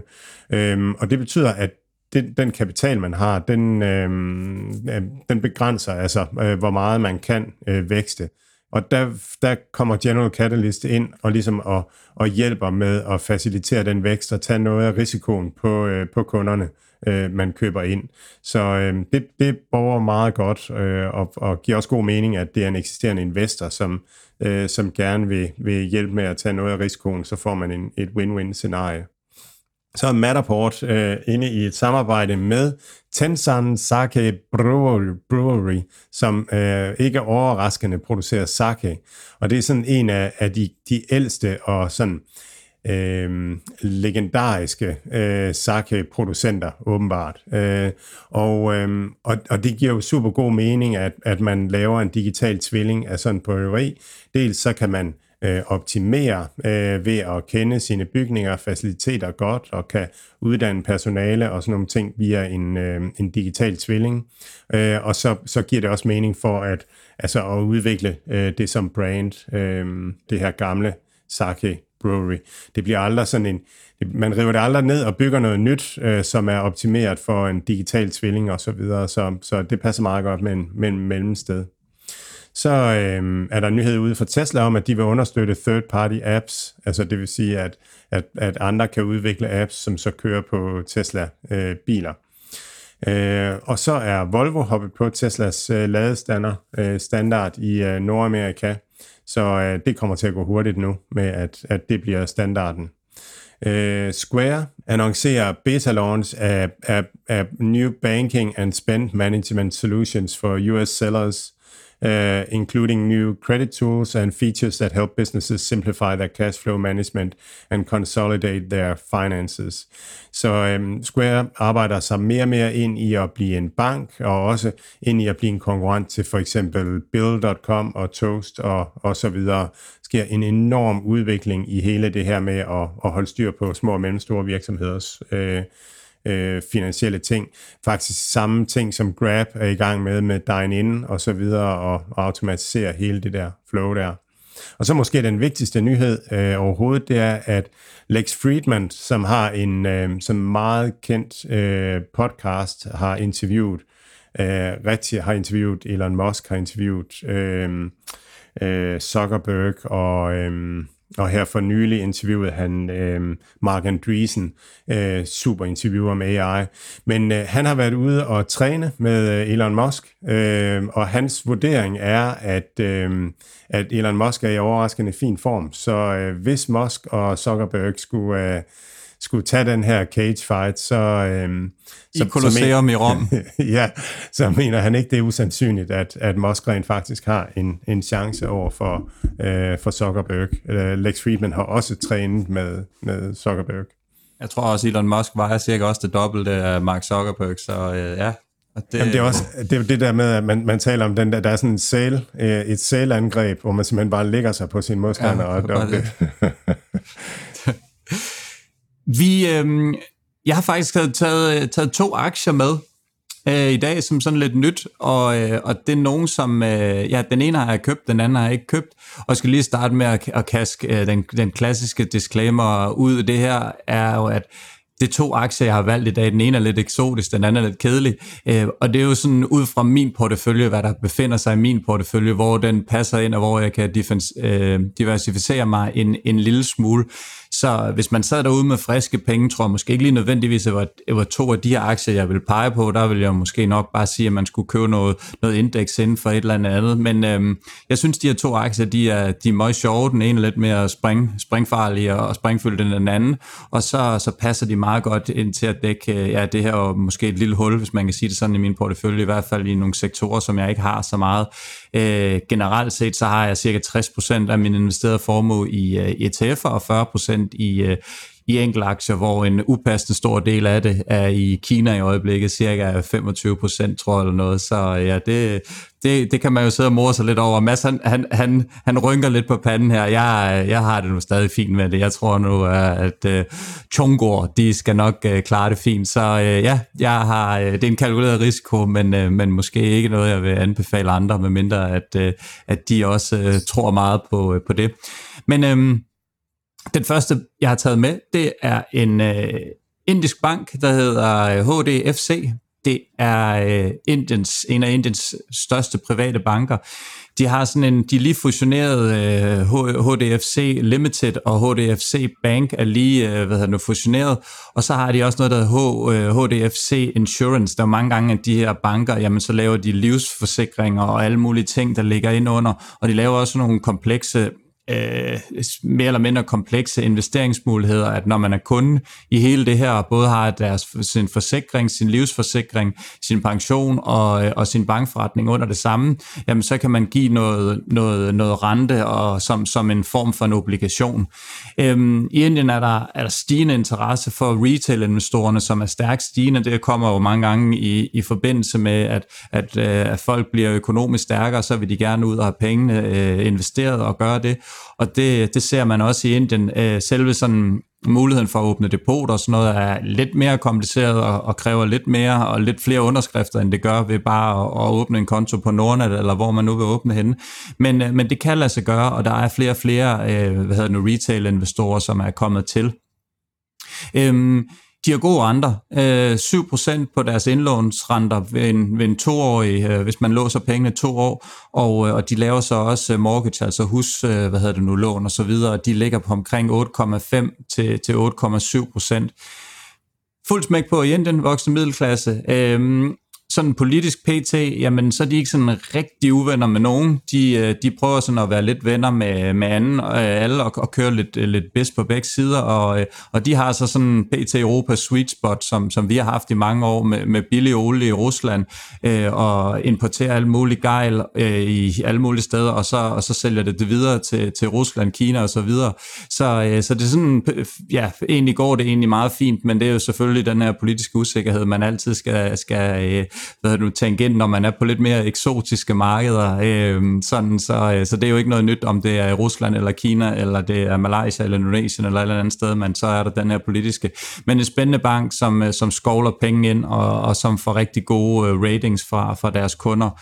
Øhm, den kan handles i, øh, i USA, og den, øh, den ligger sådan flat foråret. De her kinesiske aktier, eller undskyld, de øh, indiske aktier, øhm, hvad hedder det nu, øh, er sådan lukket territorie for udlandske investorer, så der skal man have en ADR øh, igennem det, eller også så skal man have en fond, som, som handler ind i, i Kina. Men der er en, en 25 kines, eller øh, hvad du indiske selskaber, som, som man kan købe både på den engelske børs eller den, den amerikanske, og der, der findes den her øh, HDR UFC. Så det er en spændende... Jeg har ikke selv købt aktien nu, men, øh, men jeg køber den inden så, øh, så forfærdeligt længe.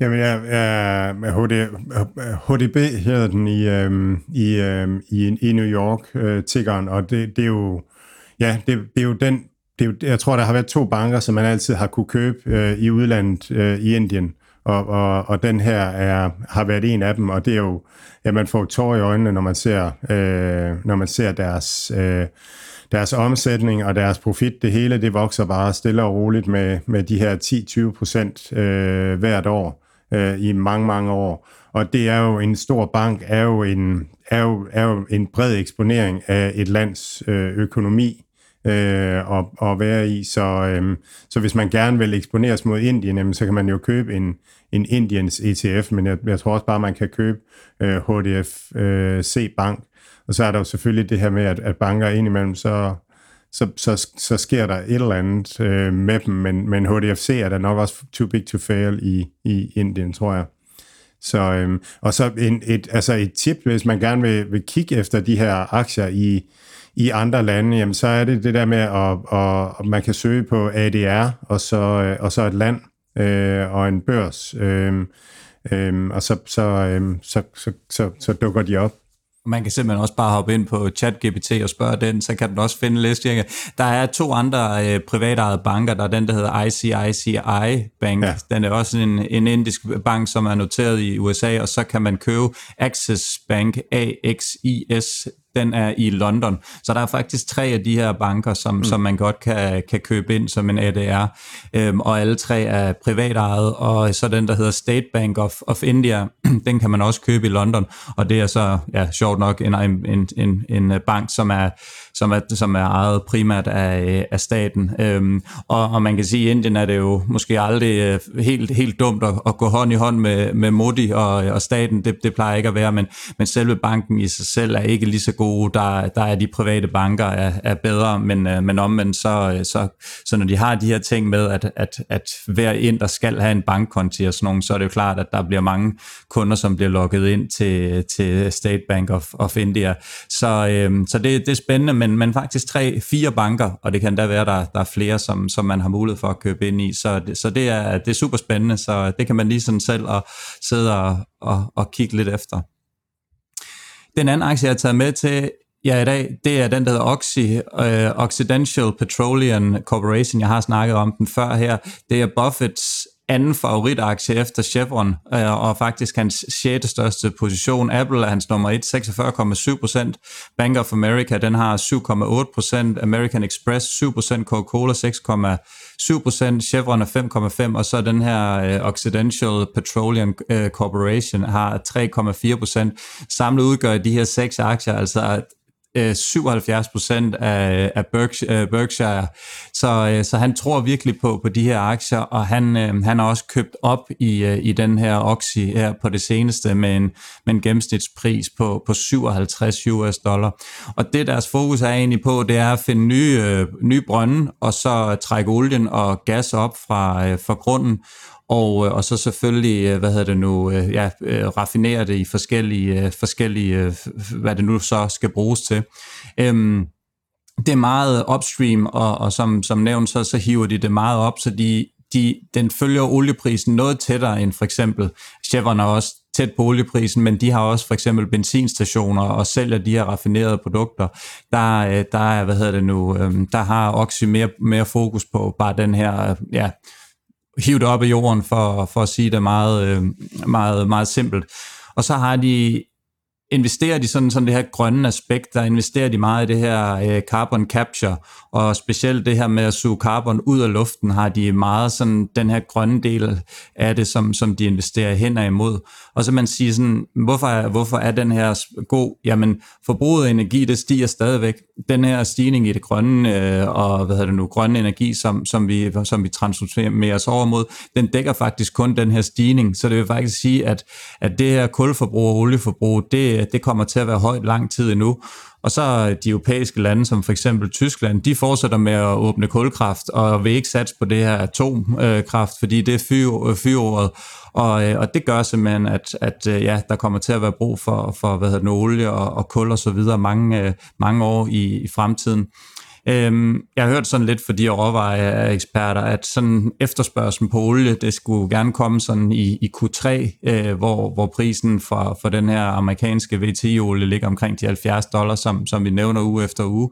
Men med olie, der er det jo altid det her, at de her olieproducerende lande, sådan lige ud over USA, det er jo ikke verdens mest stabile øh, sådan lande, og man ved aldrig, om, om de kan finde på at lave et eller andet sindssygt. Det er jo Saudi-Arabien, det er, det er Mellemøsten, det er Rusland og, og alt muligt andet, så der vil altid være en eller anden form for usikkerhed indregnet i det, eller man skal tage højde for. Men omvendt, det har der jo så været de sidste ja, øh, 200 år, så, øh, så der har de fundet en eller anden balance. Men den passer godt ind i min, den er stabil, den giver et, et fint udbytte, og så øh, hvis man tror på, at, at, at forbruget af, af olie og, og prisen også skal, skal opad, så, så er den måske egentlig et, et, et meget, meget spændende sted at, at, at købe den her aktie, om end måske lidt kedelig.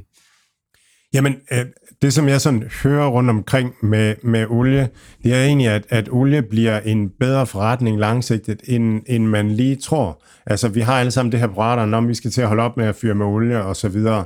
Men, men øh, det, indtil videre ligner det mere, at grøn energi bare er et add-on. Altså, at, at olieefterspørgselen ikke, ikke falder.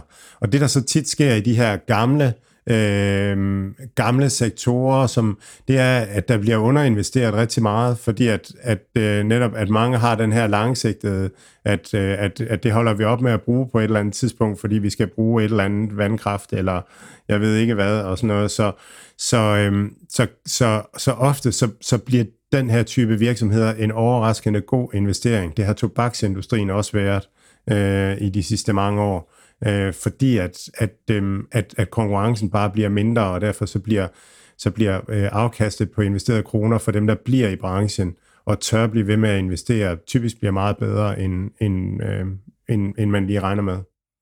Ja, Warren Buffett han var også inde og lave en ansøgning her for sidste år på faktisk om må, må få lov at eje op til 50% af den her virksomhed. Jeg tror, han ejer 25% af, af Oxy, øh, som det er lige nu, og, og lavede som sagt den her ansøgning. Så, så var der sådan lidt spekulation om, at han ville helt gå ind og overtage virksomheden. Det sagde han, det havde han ikke nogen, øh, nogen planer om.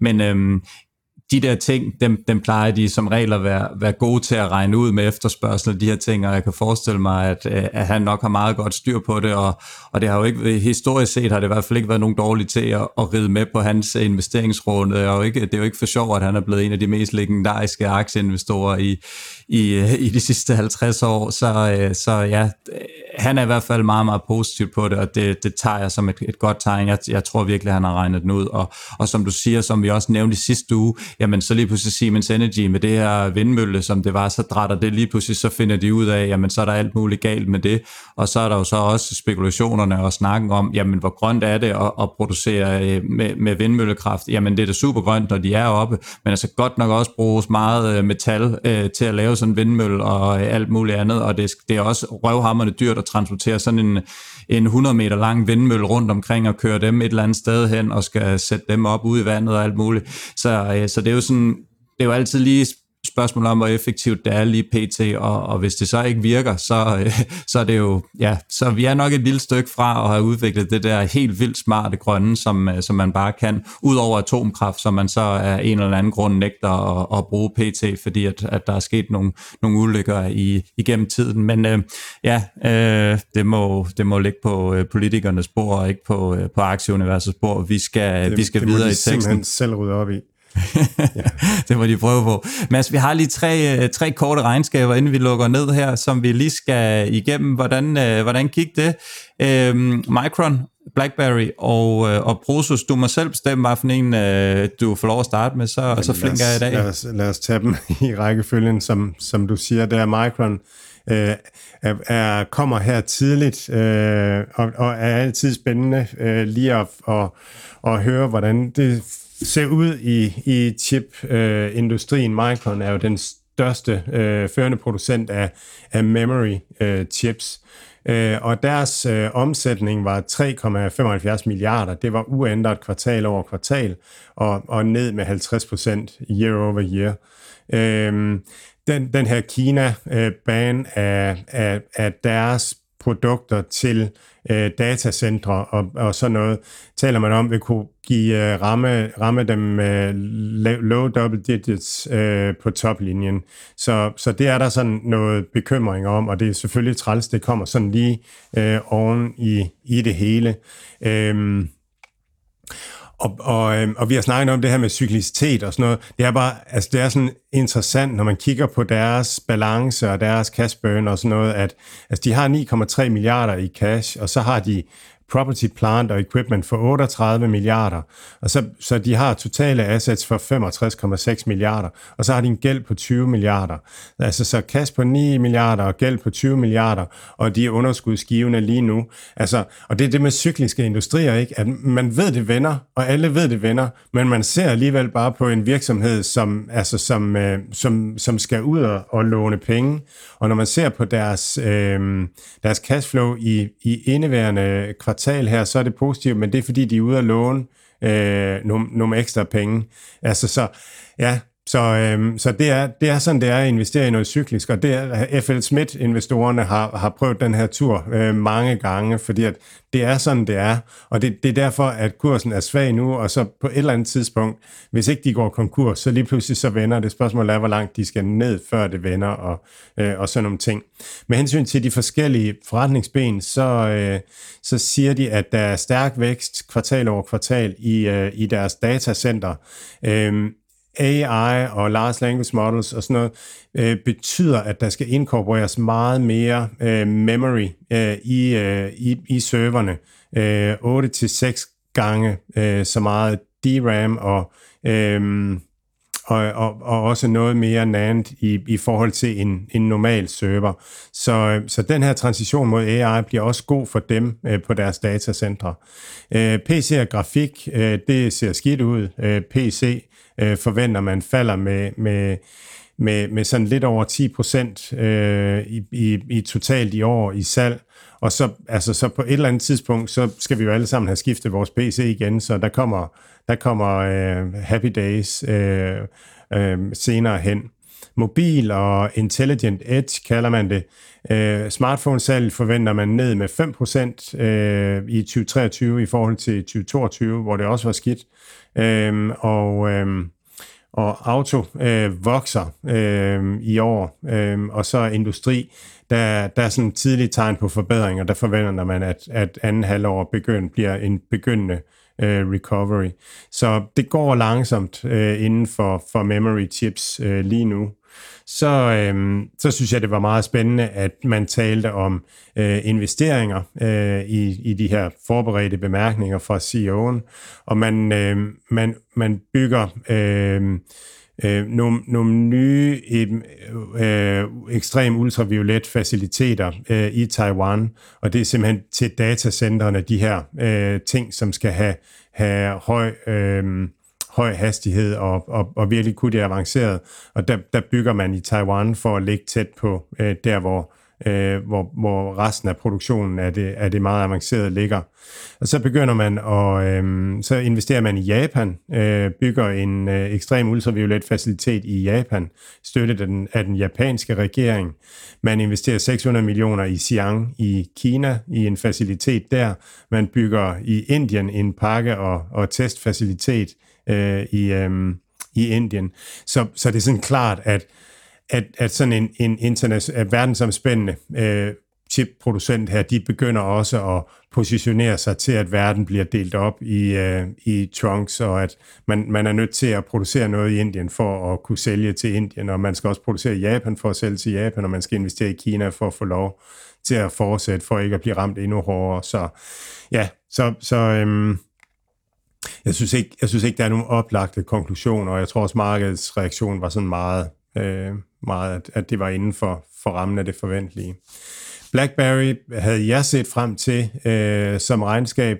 Det, der er spændende med BlackBerry, det er, at deres QNX-styresystem, det er i 235 millioner biler nu øh, som er, er det, så de er markedsledende inden for, for styresystemer til biler, og det er også øh, styresystem til rigtig mange øh, øh, øh maskiner og ting og sådan noget.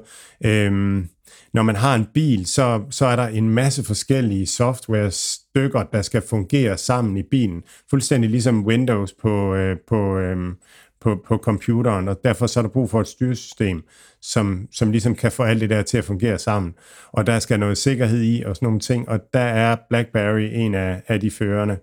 Øhm, og så har de jo en cybersecurity øh, del også. Øhm, og, og, og det er bare skuffende. Altså, de, øh, deres øh, Internet of Things omsætning øh, falder fra 59 øh, millioner i sidste kvartal til 45 millioner i indeværende kvartal og deres cybersecurity falder fra 106 millioner til 93 millioner. Så der, der er en del derude, der taler om, at det er en super spændende virksomhed, og, og de har det her QNX-system til biler og så videre, og så alligevel så sker der bare kun negative ting på omsætningssiden. Så derfor så er jeg sådan øh, på sidelinjen med, med BlackBerry, men, men er spændt hver gang, der kommer regnskab på, om, om det bliver nu, at, at øh, omsætningen begynder at stige. Jeg synes virkelig, at jeg, jeg, sådan, jeg har kæmpe respekt for BlackBerry et eller andet sted. Ikke? Det var jo den kendt som for de der helt vildt upraktiske, men populære telefoner, øh, som var gode til at blive inkorporeret i alle virksomhederne, fordi man kunne bruge almindelige, øh, hvad hedder det nu, øh, de var security. Ja. ja, de var sikre nemlig, at man kunne bruge almindelige øh, data, hvad hedder nu, security på, på det tidspunkt, så man kunne godt have mailadresser, hvis man arbejdede på øh, Microsoft og alt muligt andet. Det kunne du ikke på, på iPhone, på de første iPhone, der kom ud. Så jeg synes bare, det er utroligt stærkt på en eller anden måde, at den virksomhed ikke er gået ned, fordi jeg ved ikke engang, om de har en telefon mere, men, men det er vildt, at man er drejet derfra, og så simpelthen til at få, få kørt det op, og, og få fordrevet en sådan nogenlunde fornuftig forretning på en eller anden måde. I hvert fald ikke er, er gået helt ned om endnu. Det synes jeg, det synes jeg er meget sejt og, og sådan inspirerende på en eller anden måde, at, øh, at de har formået at, at få vendt det her rundt til, til et eller andet sted noget positivt, i hvert fald i forhold til, hvor meget øh, de stod lort til halsen, ikke? Jo, det var det der sikkerheds. Men det er også fascinerende at tænke på, ikke? Der var tre virksomheder, som satte på tastatur på mobiltelefonerne. Det var Nokia, det var BlackBerry, og det var øh, Microsoft. Og hold nu op, de tabte den der ære fuldstændig, øh, da, da smartphone kom med uden tastatur og stor skærm og, og så videre. Så det var bare en forkert øh, produktsatsning. Det er vildt fascinerende, at, at, det kan, at det kan gå så voldsomt for sig, når man, når man satser på den forkerte hest over til øh, Prosus, øh, som er en mega spændende øh, øh, virksomhed. Øh, Prosus er jo, er jo den europæiske del af Naspers, den her sydafrikanske virksomhed, som, som blev til en kæmpe virksomhed, fordi man investerede i, øh, i Tencent og har været med på hele øh, Tencent-opturen, øh, øh, som er blev en kæmpe stor. Og, og, øh, og nu kommer jeg til at snakke en masse om, hvad der er i Prosus, men bare sådan, altså Prosus skal man se som en smart måde at eje Tencent på. Øh, og, og det, øh, ja, I skal selv gøre jeres egen due diligence og alt det der, men hvis man tænker på at købe Tencent-aktier, så synes jeg ikke, der er nogen grund til at gøre det, så man lige så godt købe Prosus. Øh, og, og, det, øh, og Prosus ejer en masse Tencent, og det er den største værdi i Prosus. Øh, det, man, det, der så altid har været, det har været, at at at det var, det var billigere at købe Tencent via Prosus, end, end ved at købe det som Tencent. Man fik simpelthen en, en stor rabat, og jeg ved ikke, hvad rabatten er på lige i øjeblikket. Men det, som Prosus er gået i gang med, og Naspers, det er, at man, at man sælger sine Tencent-aktier øh, ud af virksomheden, og det, man får ind øh, på salget af Tencent, det, øh, det kører man egne aktier for. Så får man, øh, så får man faktisk øget antallet, altså eksponeringen mod Tencent, samtidig med, at man får øget eksponeringen mod alt det resten, der er i virksomheden. Så det er simpelthen en pengemaskine, man har sat op, øh, og, og at, man, at man sælger Tencent og køber øh, Prosus. Så det er en af de ting, der bare er rart ved Prosus, at, at den har sådan en, en rygvind øh, ud fra det her. Så ejer man i, øh, i Prosus en, en række andre øh, virksomheder, og man satser på food delivery, øh, noget man kalder classifieds, øh, som er biler og ejendomme og, øh, og sådan nogle ting, altså e-commerce inden for det. Så satser man rigtig meget på payments og fintech og på edtech. Øhm, og, øhm, og, og, og inden for food delivery, der har man sidste år købt, øhm, købt resten af iFood, som er den dominerende i Brasilien, øh, fra, fra Just Eat Takeaway. Og så har man øh, Delivery Hero, og man har, man har købt yderligere op i Delivery Hero, op til man ejer 29,9 procent. Og det er fordi, hvis man ejer 30 procent, så skal man give et bud på, på den samlede virksomhed, og det bliver sådan noget, altså så skal man give et bud på Delivery Hero, og det, det bliver noget rod. Men man, man siger, at Delivery Hero er undervurderet, og kender den rigtig godt. For mig er det super fedt, fordi Delivery Hero, den, der er den her 50% koreanske virksomhed, som, som er, er så svær at, at få ordentlig indblik i, og der er det fedt, at, at, at det har, det har, øh, det har Prosus i, i den grad. Øhm, og så... Øhm, Ja, så, så andre spændende ting for regnskabet, man, man kalder unoteret for overvurderet stadigvæk. Øhm, det er, det er interessant. Så, så altså man er en, en, en venture virksomhed, som kan vælge at investere i unoterede virksomheder eller i noterede. Og der ser man stadigvæk den største værdi i, i de noterede øh, i øjeblikket. Så investerer man faktisk rigtig meget i Indien. Og når vi nu snakker om det her med, at man investerer meget i noget, så skal man bare lige huske, at man, det primære, man får, når man køber Prosus, det er Tencent. Man skal se det som en Tencent-investering. Men, men de investerer meget i Indien, og de har syv ud af top 10 hurtigst voksende virksomheder i Indien, at de investerer i. Og nu vil jeg lige teste dig, om du kender dem. Der er en, der hedder Mishu. Ringer det nogle klokker? Nej, ikke lige umiddelbart. Og så er der Elastic Run, og Eruditis, og The Urban Company, og Farm Easy. Urban Company kender jeg. Ja, Farm Easy kender jeg heller ikke. Nej, Mishu siger de, at, at, den er, at den har lige så stor reach som Flipkart, og øhm, ja, altså så, så, så en stor, en stor men, men, men det er i hvert fald, altså det, er, det er en god måde at have nogen ansat til at investere i, i Indien, og de har gode relationer fra Indien. Det, det var dem, som solgte Flipkart tilbage i tiden til uh, Walmart.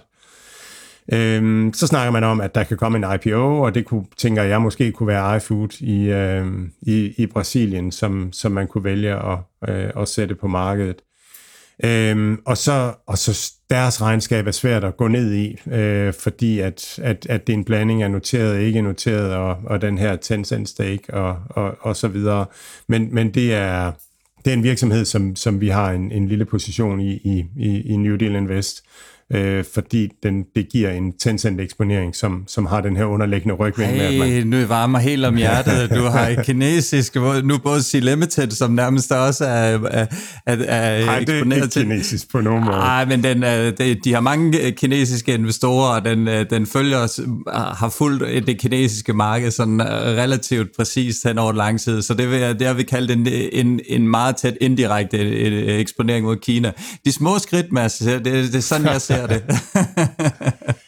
Ej, det er det forsigtigt. Jeg synes, Tencent er, er interessant. Øh, helt sikkert en spændende og, virksomhed. Og de, og de får fra Tencent, får de, hvad var det, 758 millioner dollars i udbytte.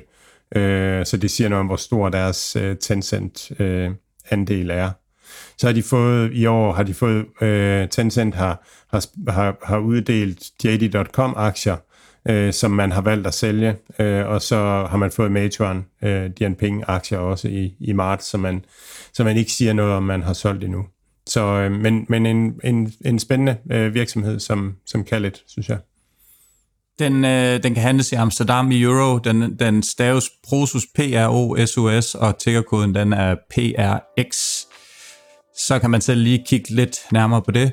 Jamen, det blev da øh, en længere omgang i dag, med en halvanden times tid, så vi må hellere få øh, lukket ned, ønsket folket øh, en god weekend. God, løb, og, øh, god løbetur. Ja, og god weekend til dig, Mads. i lige måde, Mathias.